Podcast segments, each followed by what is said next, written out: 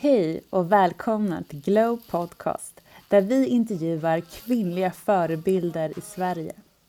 Vi är nu så glada att i tio veckor framöver ha med oss en stark sponsor, nämligen Stronger. Stronger erbjuder unika, snygga och färgglada träningskläder för kvinnor. Och jag har redan innan detta använt deras träningskläder för att jag tycker att de gör träningen roligare.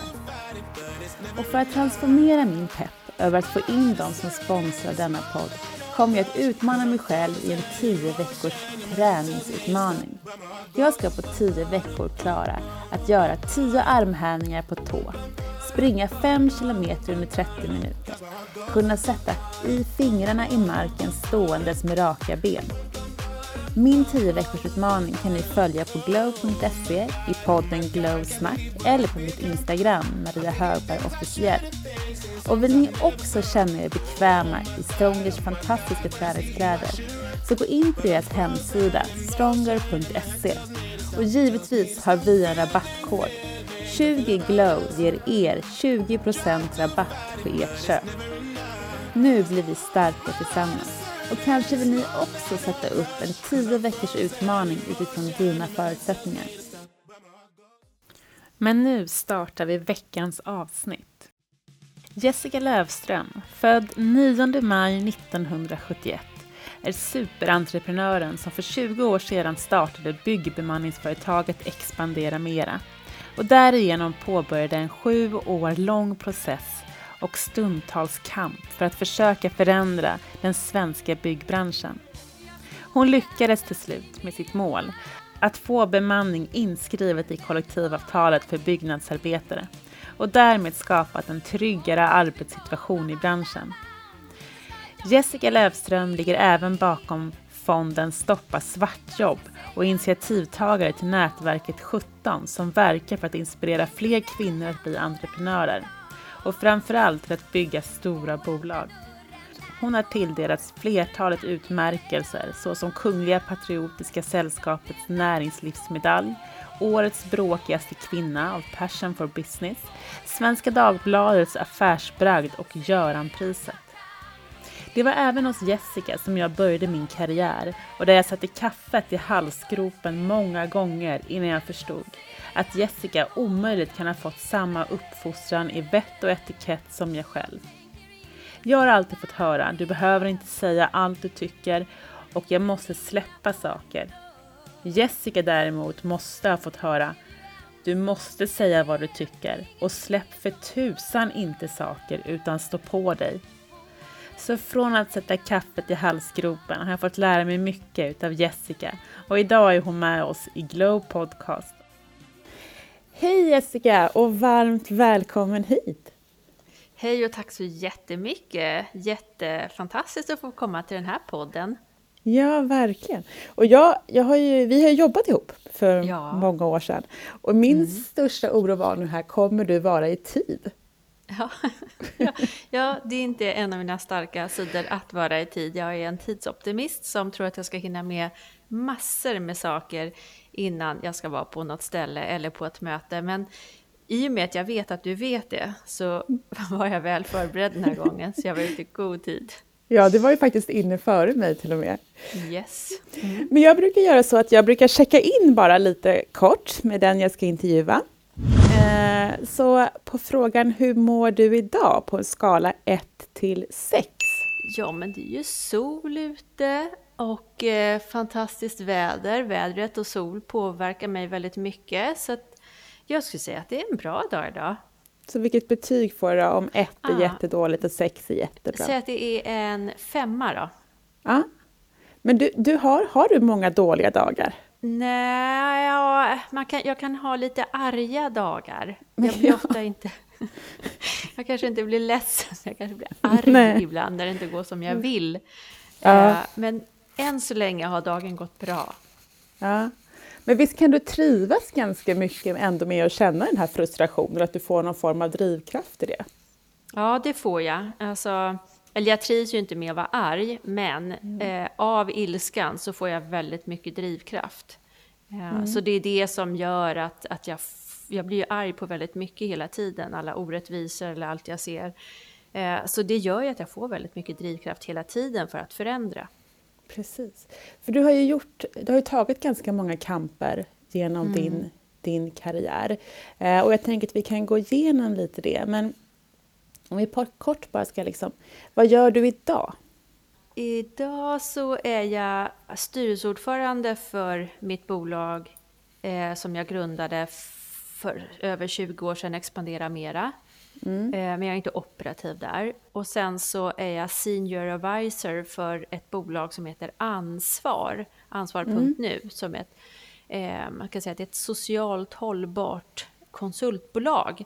Jag skulle nog säga att vi är Sveriges första och enda som gör det vi gör idag. Och vad vi gör är egentligen att vi hjälper eh, de som vill att säkerställa att till exempel en byggarbetsplats är trygg, vit och säker. Och vad det är, det är att det idag finns extremt mycket svartföretag, inte bara i byggbranschen utan på många olika ställen, i form av underentreprenörer som inte betalar de löner och skatter som man ska betala och ofta drivs och ägs av kriminella nätverk, ofta internationella, mm. organiserade. Och det här, för vi jobbade ju, när du var operativ eller VD för Expandera mm. Mera så jobbade vi tillsammans. Så det är ju ett bemanning och rekryteringsföretag inom byggsektorn. Mm. Ett av de första va?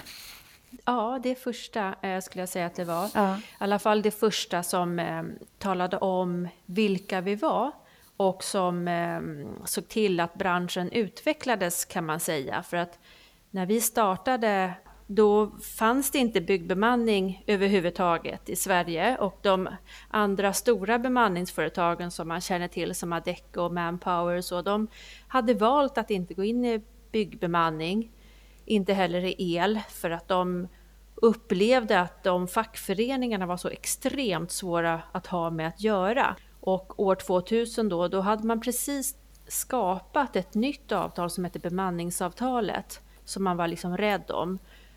Och då hade Almega som är arbetsgivarorganisationen och LO då, som är den fackliga parten kommit överens om att tillsammans med de stora bemanningsföretagen att, att de inte skulle vara verksamma just i bygg för att inte ens LO fick Byggnads, fackföreningen Byggnads, att rätta sig i ledet. Eh, men det visste ju inte jag, så jag tänkte att det där kan ju inte vara så svårt och byggbemanning är ju verkligen något som behövs i och med att man bygger under en begränsad tid. Eh, och sen så, så som det var förr i tiden så när bygget var klart då fick de som jobbade på bygget sparken. Och sen så fick man anställa dem igen i, i något annat företag för då var det ett annat företag som fick projektet. Och sen fick de sparken. Och så var det ett tredje företag som fick något projekt och så fick de anställning där. Och det leder ju till extremt otrygga anställningar. Så att jag tyckte att var det någonstans där bemanning verkligen behövdes och kunde verkligen fylla många och stora funktioner så var det i byggsektorn. Och vad hände då när du väl kom in där? Då stötte jag ju på när vi började växa. I, när man är små då är det ingen som vet att man finns. Men när vi började växa då, då kontaktade fackföreningen Byggnads mig och sa att eh, ja, vi, vi, tycker inte att det här är en bra idé. Vi vill inte ha bemanning i byggsektorn och vi kommer göra allt för att krossa dig och ditt företag. Eh, så, det, mm. så, så, så var det mötet mm. där och då. Mm. Och då tänkte de kanske att nu kommer hon göra som vi säger. Ja, de kanske trodde att jag skulle bli ja. rädd. Mm. Men jag är inte så rädd av mig. Eh, så jag tänkte att de där gubbarna fattar inte riktigt. För att jag tyckte att jag gjorde något som var bra. För att Eh, det här gav ju trygga anställningar, eller tryggare anställningar än, än att vara anställd i projekt som det var tidigare. Eh, vi också hittade folk ifrån Norrland som har suttit arbetslösa i massor med år, som hade gått på a-kassa.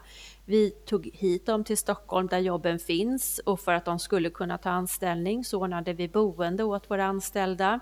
Eh, så att staten slapp ju a-kassa, de som hade varit arbetslösa fick jobb och vi ordnade bostäder åt dem.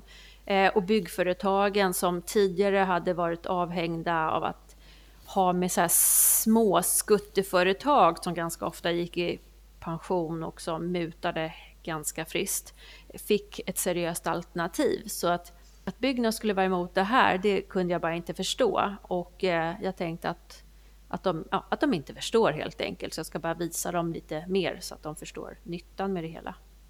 Och vad tror du, liksom, för de, det tog ju väldigt lång tid för dem att förstå. Alltså det var ju en enorm kamp som du gick igenom. Ja. Ja, men vad var det stora motstånd liksom? Jag tror att Sveriges Byggindustrier, som arbetsgivarorganisationen då hette, och fackföreningen Byggnads, de hade krigat om kollektivavtalet och eh, vem som skulle ha makten i kollektivavtalet i flera hundra år, äh, inte flera men i hundra år. Mm. Och man kan säga att de alltid tog sats från varsin sida av rummet, sprang allt vad de kunde, flög ihop, det blev ofta strejk, men sen landade de tillbaka på exakt, exakt samma position där de började. Så att det var liksom ingen förändring framåt eller bakåt eller åt något håll. Men den maktpositionen var ändå ganska, var, var alla liksom hyfsat nöjda med. När vi kom så kom vi från ett helt, helt annan infallsvinkel, en ny infallsvinkel. Och jag tror att Byggnads blev väldigt rädda för att tappa den maktpositionen som då fanns i byggsektorn. Så därför mm. gjorde de extremt mycket motstånd. Mm. Men tror du att de liksom blev provocerade av dig som person också? För du, du kom ju inte från byggsektorn. Du hade ju ingen tradition därifrån. Liksom. Och helt plötsligt kommer du in och ska förändra. Äh, det tror jag också var en stor grej för att eh, jag var ju då ung tjej från förorten, ganska eh, kanske lite stöddig kanske en del skulle tycka. Andra skulle tycka skinn på näsan och vet vad hon vill, men det är lite olika. Men jag tror att eh, i och med att jag förklarade, eller försökte förklara för de här eh, ombudsmännen på facket varför och hur och så vidare och lite skrev dem på näsan eh, för att jag tyckte deras synsätt var väldigt förlegat och det här skulle ju bli bättre liksom för den enskilde individen. Eh, men kanske skulle förändra maktpositionen eventuellt. Eh, så att jag var nog ganska tuff och ganska stöddig mot de här ombudsmännen. Och det, det blev ju liksom en enorm clinch. Eh, för att de... Alltså, ibland kan det ju vara så att man sitter och bevakar sina positioner eh, och sen så kommer någon in från en ny, helt ny vinkel och med stora, liksom, som man antar att det här kommer bli förändringar. Och då kommer man ju hata det om man inte är förändringsbenägen. Och förändringsbenägen har väl fackföreningen Byggnads inte var de i alla fall inte då. Så att jag blev ju ett extremt hot för hela fackföreningsrörelsen och för de här äh, ombudsmännen och deras jobb. Då. Mm. Eh, så att det, det var vi vi var inte så glada på varandra under den här perioden och det var väldigt mycket liksom krig oss emellan och väldigt många telefonlurar som slängdes i örat på varandra och det var en speciell period. Mm. Jag tänker, du var ju också ensam eh, mm. mot väldigt många eh, män. Mm. Det kan jag tänka mig att de inte heller var direkt förberedda på att du inte skulle backa. Vad gjorde att du inte liksom backade i det här? Varför var, det, varför var det så viktigt för dig att driva igenom det? Ja, men för jag tyckte att jag gjorde något som var bättre. Alltså jag skulle aldrig kunna driva ett företag där jag alltså inte göra någonting som gör saker och ting bättre för samhället eller världen. Jag är en så förändringsperson. Jag vill förändra och skapa bättre förutsättningar, bättre världar eh, och så, eller en bättre värld. Och jag visste ju att det här var bättre. Alltså det är ju mycket bättre att de här byggnadsarbetarna är anställda hos oss i en tryggare anställning än att de till exempel det är en stad som ska byggas så ska man bygga en simhall så kanske Peab får bygga simhallen. Då söker Peab personal, anställer personalen, yrkesarbetarna. Så är de anställda där kanske två år, tre år, så länge bygget håller på. Sen när bygget är slut, så som det var förut, då, då fick man sparken. Och sen var det kanske nästa sak som skulle byggas i kommunen eller staden och så var det en, inte en förskola. Ja, då, och så kanske NCC fick det. Då anställde NCC den här personalen till sitt bygge och så jobbade de där tills bygget var klart. Men om vi var i mitten, då kunde ju vi ha en trygg anställning för vi kunde hela tiden hyra ut personal till, till den byggaren som vann det stora projektet. Och då kunde deras anställda ha en trygg och bra anställning och våra anställda kunde ha en trygg och bra anställning. Och är det också trygga anställningar där man vet att man inte kommer att säga upp personal för att nu börjar projektet ta slut. Då kan man ju också satsa mycket mer på personalen i form av utbildning och så vidare. Eh, när jag kom in i byggsektorn då var ju yrkesarbetarna någonting som de var aldrig på huvudkontoret, de var aldrig med på personalfesterna. Eh, de gick inte att nå via växeln, de hade inga mejladresser. Eh, de hade egna personalfester som, som, små, som inte de övriga som satt på huvudkontoret var inbjudna till eller överhuvudtaget ville gå till. Så de var ju lite, till viss del, eh, andrahandsanställda. Mm. Eh, just för att man visste att vi kommer ha de här under en begränsad tid och sen kommer vi behöva säga upp dem. Så att jag visste ju att jag gjorde någonting som var bättre. Dels för hela, ja, för egentligen för hela fackföreningen, för det här skulle ju bli bättre för deras anställda. Och sen att jag också plockade ner då väldigt mycket folk från eh, lång arbetslöshet och gav dem arbeten. Eh, och sen så blev jag ett alternativ till byggföretagen som tidigare då hade anlitat eh, och de här skuttföretagen som gick i konkurs med jämna mellanrum. Och då, om en liksom, ombudsman eh, säger att, att det här inte är bra, eh, men då blir jag vansinnig, för det här är mycket bättre. Och då måste jag bara på något sätt bevisa det för den här människan. Och sen tar det olika lång tid med olika mm. människor. Mm. Men när kände du att vändningen kom då? Eh, det var väldigt tydligt. Vändningen kom eh, jag startade alltså Expandera Mera år 2000. Uh, eh, ungefär 2002-2003 började vi få ganska stora problem med, med Byggnads, där de började stämma oss och så. Och sen höll, låg vi då Arbetsdomstolen i massor med år. Sen kom vi överens eh, årsskiftet 06-07 om att man skulle skriva in i kollektivavtalet för byggnadsarbetare att, att det skulle finnas då byggbemanning. Eh, och det var egentligen samband med eh, Lavalkonflikten som var en Eh, ute i Vaxholm så var det en, en, skola som skulle renoveras och då var det ett utländskt bolag som hade vunnit den här upphandlingen. Och då kom de med utländsk personal som gick på utländska eh, löner och utländska kollektivavtal. Och initialt med EU-utvidgningen för det var det som kom här 2004, tror jag det var, 2005 så kom EU-utvidgningen. Det betyder att många fler länder, framförallt öststatsländer, gick med i EU. Så var det vad man trodde, eller hur man tolkade fri rörlighet mellan varor, pengar och tjänster. Och man tolkade det så som att man skulle kunna få komma hit med utländska byggnadsarbetare och egentligen lönedumpa, att man tar med sig eh, löner som är i det landet. Det där är ju sedermera EU-domstolen sagt så kan det inte gå till, för vi kan inte ställa folk mot folk eller arbetare mot arbetare, för då, då får vi snart krig. Eh, utan, utan det måste vara så att om man kommer till ett annat land för att arbeta så ska man ha samma lön som en i det landet eh, skulle ha haft för att utföra samma arbete. Eh, för de här personerna bor ju också då i Sverige under en period och har ju samma levnadskostnader som, som de andra har i Sverige om inte större.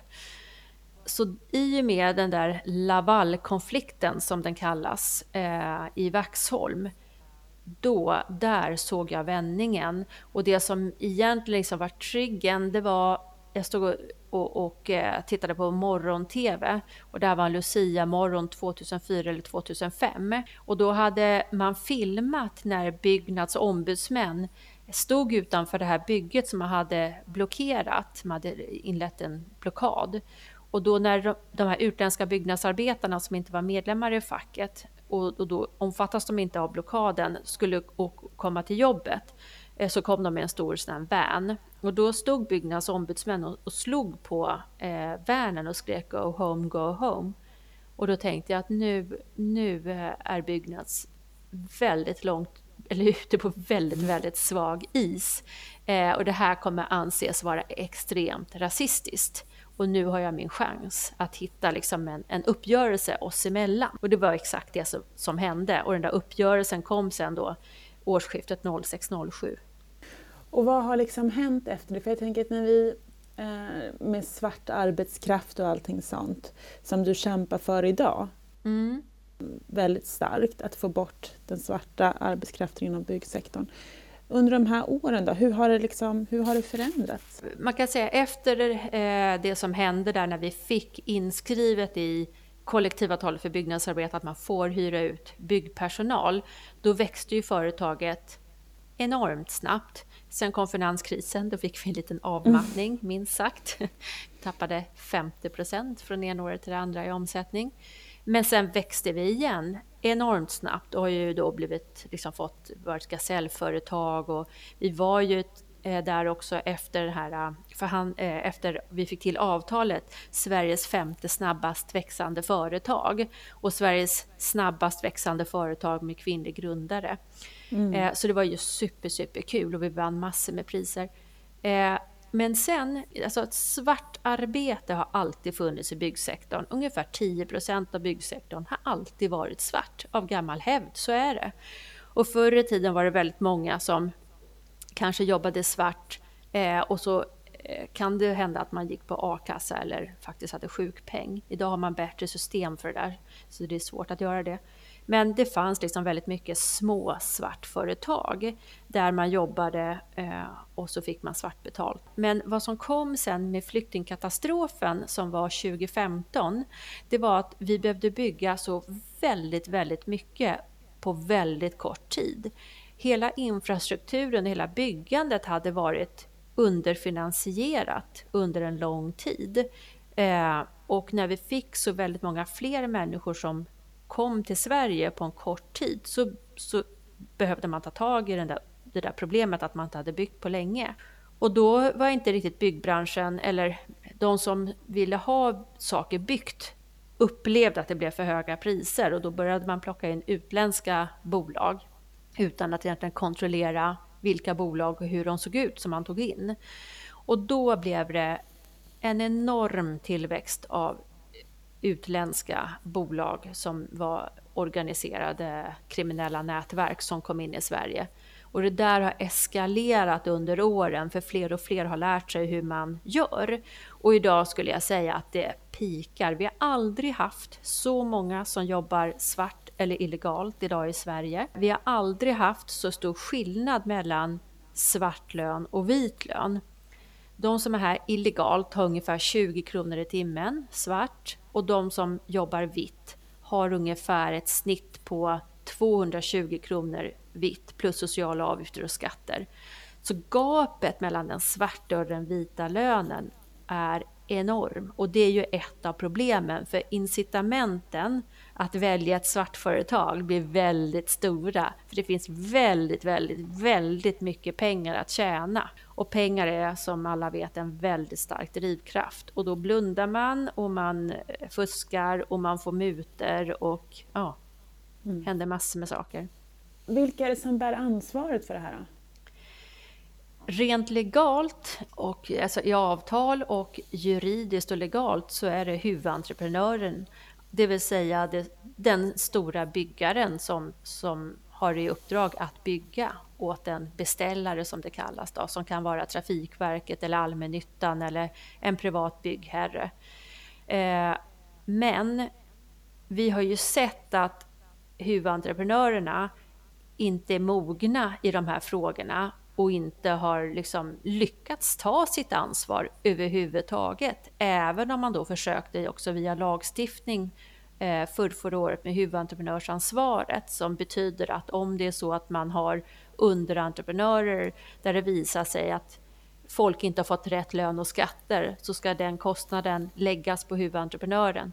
Men den har aldrig testats så ordentligt så att legalt är det huvudentreprenören, men idag så ser vi att beställarna är de som kliver in och tar ett större ansvar eh, för att de är trötta på att betala vitt och få svart. Och också om du till exempel är Trafikverket eller en kommun och så vidare, då är ju statliga och kommunala pengar man bygger med. Och eh, när de sen går ut och tittar på arbetsplatserna så ser ju de att, att, det, inte, att det är liksom illegal och det är svart personal, det är svarta bolag. Och de kan ju inte inför sina väljare eller skattebetalare på något sätt liksom inte låtsas att de inte vet om att det är svarta företag och att våra skattepengar går till kriminella organiserade nätverk. Så de har tagit ansvaret även om det egentligen ligger hos huvudentreprenören. Och vilken roll har, är det, då är det ansvar.se som, jobb, som ni jobbar med det här med? Mm, ansvar.nu heter vi, SE var upptaget. Okej, ansvar.nu. Ansvar och vad är det mm. ni gör då, där? Ja, då har vi under massor med år, eh, jag har jobbat med de här frågorna sedan 2015, jättemycket politiskt, men eh, politikens kvarnar mal extremt långsamt. Så, och sen har du också ett parlamentariskt knepigt läge med minoritetsregering så att det inte är så lätt att få igenom saker och ting. Och sen finns det också en viss, tycker jag, det här är ju min personliga åsikt, men jag kan tycka att svenskt näringsliv väldigt mycket dikterar eh, vad det blå laget, som jag brukar säga, eh, ska göra. Och eh, jag kan ju tycka att eh, många av de bolagen som är med och Sveriges Byggindustrier, eller som nu heter Byggföretagen och Svenskt Näringsliv, inte alltid är så nogsamma med att kontrollera huruvida underentreprenörer är svarta eller vita. För att det är ju så att man tjänar ofantligt mycket mer pengar på att anlita ett svart företag än ett vitt. Och så länge du kommer undan med det, så länge du kan säga att vi hade ingen aning och eh, hur det brukar, upplägget brukar se ut så är det till exempel då Trafikverket ska bygga en tunnel och så får ett svenskt stort börsnoterat byggföretag eh, vinner upphandlingen och ska bygga. De anlitar i sin tur ett vitt fasad eller frontbolag som är jättefint. Det finns inga fel på det bolaget. De i sin tur anlitar sedan de kriminella bolagen. Och då kan alltid det stora börsnoterade byggföretaget och Trafikverket för den delen säga, men vi anlitade ju det här företaget så vi kunde ju inte veta. Fast det är deras skyldighet och deras ansvar att tillse att de som är på bygget är seriösa bolag som betalar skatt och löner och som inte har illegal arbetskraft vad är det som gör att... Är det, är det enbart pengar som gör eller är det byråkrati eller lagstiftning? Vad ja, är liksom... alltså pengar är ju drivkraften. Mm. Eh, sen att, att liksom komma åt det i och med att många blundar för det, där behöver lagstiftningen och byråkratin bli vassare. Men det är ju det som är så problem att ändra lagar tar tid, framförallt när man då sitter som ja, minoritetsregeringar i samarbeten eh, med andra som kanske får väldigt mycket information om att man inte ska titta på de här frågorna jätte, jätte, jättenoga för just nu är allting bra, vi tjänar väldigt mycket pengar. Det är inte så lätt att få igenom de lagregleringar och nya lagar, regleringsbrev, förordningar och så vidare som behövs. Och det gör ju att de här eh, kriminella har superlätt att agera. Mm. Vi, I Sverige har, har vi eh, och det var EU som gjorde en stor undersökning, så tittar man på, på länder inom EU. Och så såg man att de nordiska länder har en väldigt stor demokrati. Och det är bra för då har man en stor tillit mellan människorna och staten och staten och människorna. Man har stort förtroende för vår liksom, regering och riksdag och våra myndigheter och så vidare. Och det är ju bra för att det blir liksom lätt att, att göra saker. Men det blir också problematiskt när det kommer in kriminella, för att de kriminella kan väldigt lätt utnyttja systemet, för att det inte är byggt för att skydda mot kriminella, utan det är byggt på tillit. Så när, när man då, väldigt mycket så här självdeklaration, att man, ska, man säger att ja, men jag behöver det här och här, jag är den här och den här personen, fast man inte är det. Och i och med att vi inte kontrollerar så mycket och sen har vi också en enormt stark sekretesslagstiftning, så till exempel det gränspolisen vet, eller ekobrott vet, eller skattemyndigheterna vet, får de inte delge varandra, vilket hade varit underlättat mm. enormt mycket. Utan de sitter i sina stuprör med väldigt mycket information och får inte ge den informationen till varandra. Så att det, det är liksom djupt problematiskt eh, hur ja, byråkratin kan man säga då ser ut idag i Sverige. Och eh, i den här rapporten då som heter Greta-rapporten, då kan, säger de också att Sverige är extra utsatt, för Sverige har man extra stor demokrati och tillit. Eh, och vi vet ju att här är det absolut lättast att begå brott inom arbetslivskriminalitet, som man brukar kalla det för. Där man egentligen tar hit personal som jobbar svart och man betalar inte rätta löner och man betalar inte skatter. Mm. Och om du jämför, liksom, för du har ju en kamp med Byggnads, så om du jämför den kampen med den kampen du driver nu, storleksmässigt, hur mm. skiljer de sig åt? Jag skulle nog säga att kampen med Byggnads var det var inte så mångfacetterad eller så komplex som den här kampen är. För det här är så mycket annat som väger in. Eh, mycket lagstiftning, jag ska få partier att förstå vad det är som händer som väldigt mycket blir, som jag säger, indoktrinerade från svenskt näringsliv. Så att här måste man, det, det här är svårare för det här det är mer komplext så att det kräver mycket mer förklarande.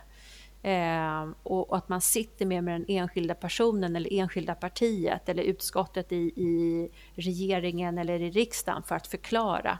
Och sen när, man liksom, när de har förstått så ska de försöka partier emellan då samsas och komma på något. Så det blir väldigt liksom komplext och, och, väldigt långdraget på ett annat sätt. Att bara bråka mot Byggnads i en fråga var liksom lättare. Och hade sociala medier funnits då så hade jag så hade det där gått mycket snabbare. Mm. För då hade jag kunnat använda, använda mig av sociala medier på ett annat sätt. Men det jag också tänker så här, för att um, när du jobbade som VD och drev upp Expandera Mera så var du ju ensam. Sen fanns det ju vi som stöttade på där bakom under mm. olika perioder. Men idag så är du ju, som jag också kan se, du är ju mer organiserad. Du har ju till exempel startat 17-nätverket Mm. Eh, som är för att lyfta fler kvinnliga entreprenörer eller få fler kvinnor att starta stora bolag. Mm. Och där sitter ju väldigt mycket mäktiga personer. Så idag känns det ju också som att du har ju väldigt många runt dig i det här. Är det en hjälp eller är det Ja, det är en hjälp. Alltså, de hjälper ju inte i det dagliga arbetet, men däremot att man vet att några backar mig, det hjälper ju. Att jag vet liksom att att folk tycker att det jag gör är bra, även om jag har sådana som inte tycker att det är bra också såklart. Eh, och sen så blir det ju när man tycker att det är jäkligt jobbigt och väldigt tufft, så är det väldigt kul att få jobba med någonting som är så glädjefullt och fullt av lust som 17-nätverket, där vi ska få fler kvinnor att starta bolag och sen så bygger de väldigt, väldigt, väldigt stora. Eh, och en av de anledningarna till varför jag startade 17 Eh, och det gjorde jag sen. Jag var initiativtagare, tog, liksom körde igång det. Sen plockade jag väldigt snabbt in Lena Apler på, som äger Collector, Monica Lindstedt som har grundat och äger Hemfrid, eh, Anna Bråkenhielm eh, som eh, plockade in Robinson till Sverige och som var den som myntade begreppet fuck off-pengar som jag tycker är så jättekult. Mm. Och, eh, och tillsammans grundade vi 17-nätverket. Och en av de anledningar som jag tänkte också, det är så här att eh, fler kvinnor behövs i makten. För med stora bolag så, och de omsätter mycket pengar, då får du också makt och med makt kan du förändra. Och jag tror att vi behövde ha mer mindre testosteron liksom i maktkorridorerna och mer feminin fägring. För jag tror mm. att man tänker på ett annat sätt och kanske tar ett större och mer långsiktigt ansvar än att bara kanske tjäna pengar eller bara inte tänka så långsiktigt som jag upplever att kvinnor gör. Och så tänkte jag också att då kan jag säkert också hitta några kvinnor, om det inte skulle funka i byggsektorn, att starta ett byggföretag med. Mm. Och skulle vara garanterat helt vitt. Och jag tänkte att när vi går ut till kommuner och säger att vi är helt vita, vi har bara vit arbetskraft, så skulle vi vinna väldigt mycket mer upphandlingar. Och det tror jag fortfarande på.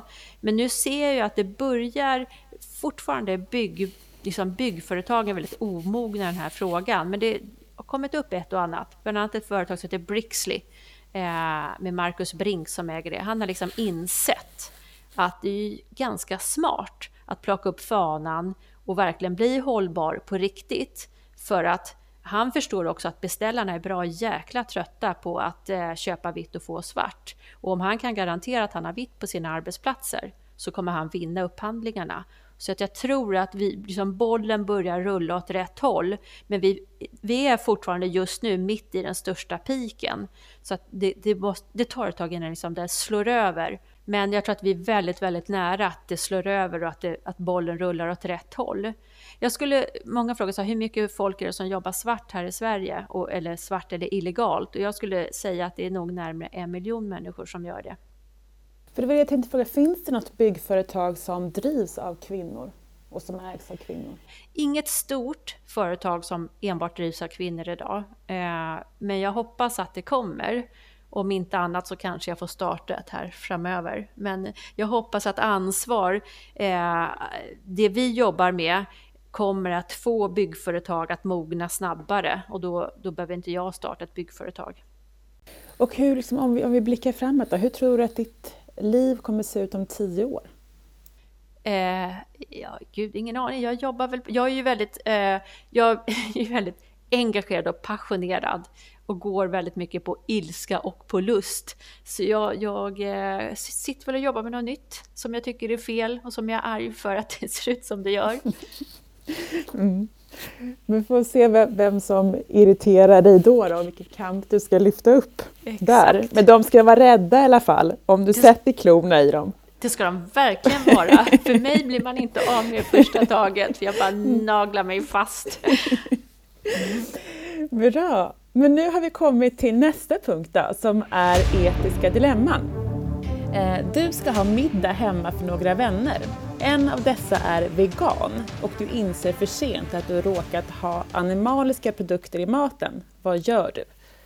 Eh, ja, då skulle jag säga, du, jag råkar ha i lite kött i det här. Eh, vill du att jag slänger ihop någon, något annat till dig? Men om du skulle råka ha smör i då? Eller smör, vad säger jag, kanske ägg då? Något som inte är kött. Då, kan, då, skulle jag kanske fråga varför är du vegan? Så att det inte är att man är allergisk och man dör, för det skulle vara jätteolyckligt. Ja. Eh, och skulle det vara bara smör eh, eh, eller ett ägg som liksom inte syns som man haft i typ som bröd eller något har man ju ägg i när man ska baka. Eh, då hade jag kanske inte sagt något. Nej. Och nu kommer vi till sista då, mm. eh, som är grillen. Vi börjar lite enkelt med, om någon gör dig riktigt förbannad, vad gör du då? Då slår jag hårt som fan tillbaka. När känner du att du vill ge upp? Aldrig. Alltså jag kan ju ge upp i, i korta ögonblick, eller i ögonblick att jag känner att jag klarar inte av det här, jag mäktar inte med och det, jag vet inte vad jag ska göra, jag har gjort allt, prövat alla vägar. Men eh, då kan jag liksom ge upp och så kan jag gråta en liten skvätt och sen blir jag arg och då får jag ny kraft. Mm. Vilket parti tycker du ska vinna valet 2022? Ja, i de här frågorna som jag jobbar med just nu så tycker jag att Socialdemokraterna har den bästa eh, partipolitiken. Så att eh, då får det bli dem i sånt fall. Jag ska säga att jag har inte röstat på dem tidigare. Vad är mycket pengar för dig?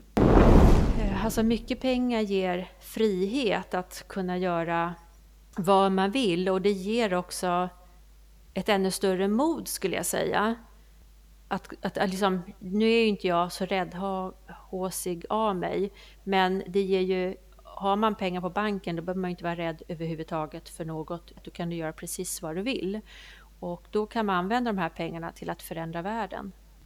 Vem i Sverige är du lite avundsjuk på? Kanske på ett sätt då statsministern för att eh, hade jag varit statsminister då hade jag nog bara liksom tvingat igenom saker och ting på ett eller ett annat sätt. Vet inte exakt hur det skulle gå till. Men eh, det är ju den med mest makt egentligen i Sverige. Eh, annars så kan jag ibland känna också att jag är eh, avundsjuk på personer som inte har det här eh, kallet som jag har av att göra världen bättre. För det är också ganska jobbigt att inte bara vara nöjd och liksom lugna ner sig lite, utan ständigt ta alla de här kamperna som jag tar. Eh, ibland kan jag känna att jag blir så jättetrött på mig själv, att jag hela tiden måste bråka om allt. Och det skulle vara skönt att bara ha ett vanligt jobb, där man slutar klockan fem och man går hem. Mm. Skulle du anställa dig själv? Aldrig. aldrig. Jag är helt oanställningsbar, så jag kommer ju aldrig bli anställd. Mm. Och vilken är din livs största dröm? Just nu är det ju liksom att få, få ordning och reda på samhället och världen som jag tycker har gått alldeles fel i alldeles för många år. Så få lite ordning och reda på saker och ting och eh, få, liksom, få människor att få ett större samvete. Ett, eller få ett samvete överhuvudtaget, för många har ju inte det. Mm. Och det var allt för den här intervjun och känner jag dig rätt så kommer du få ordning på det.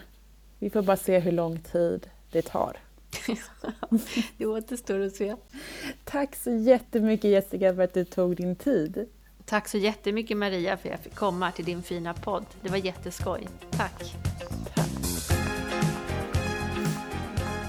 Det var allt från intervjun med Jessica Lövström och jag önskar er en fantastisk dag.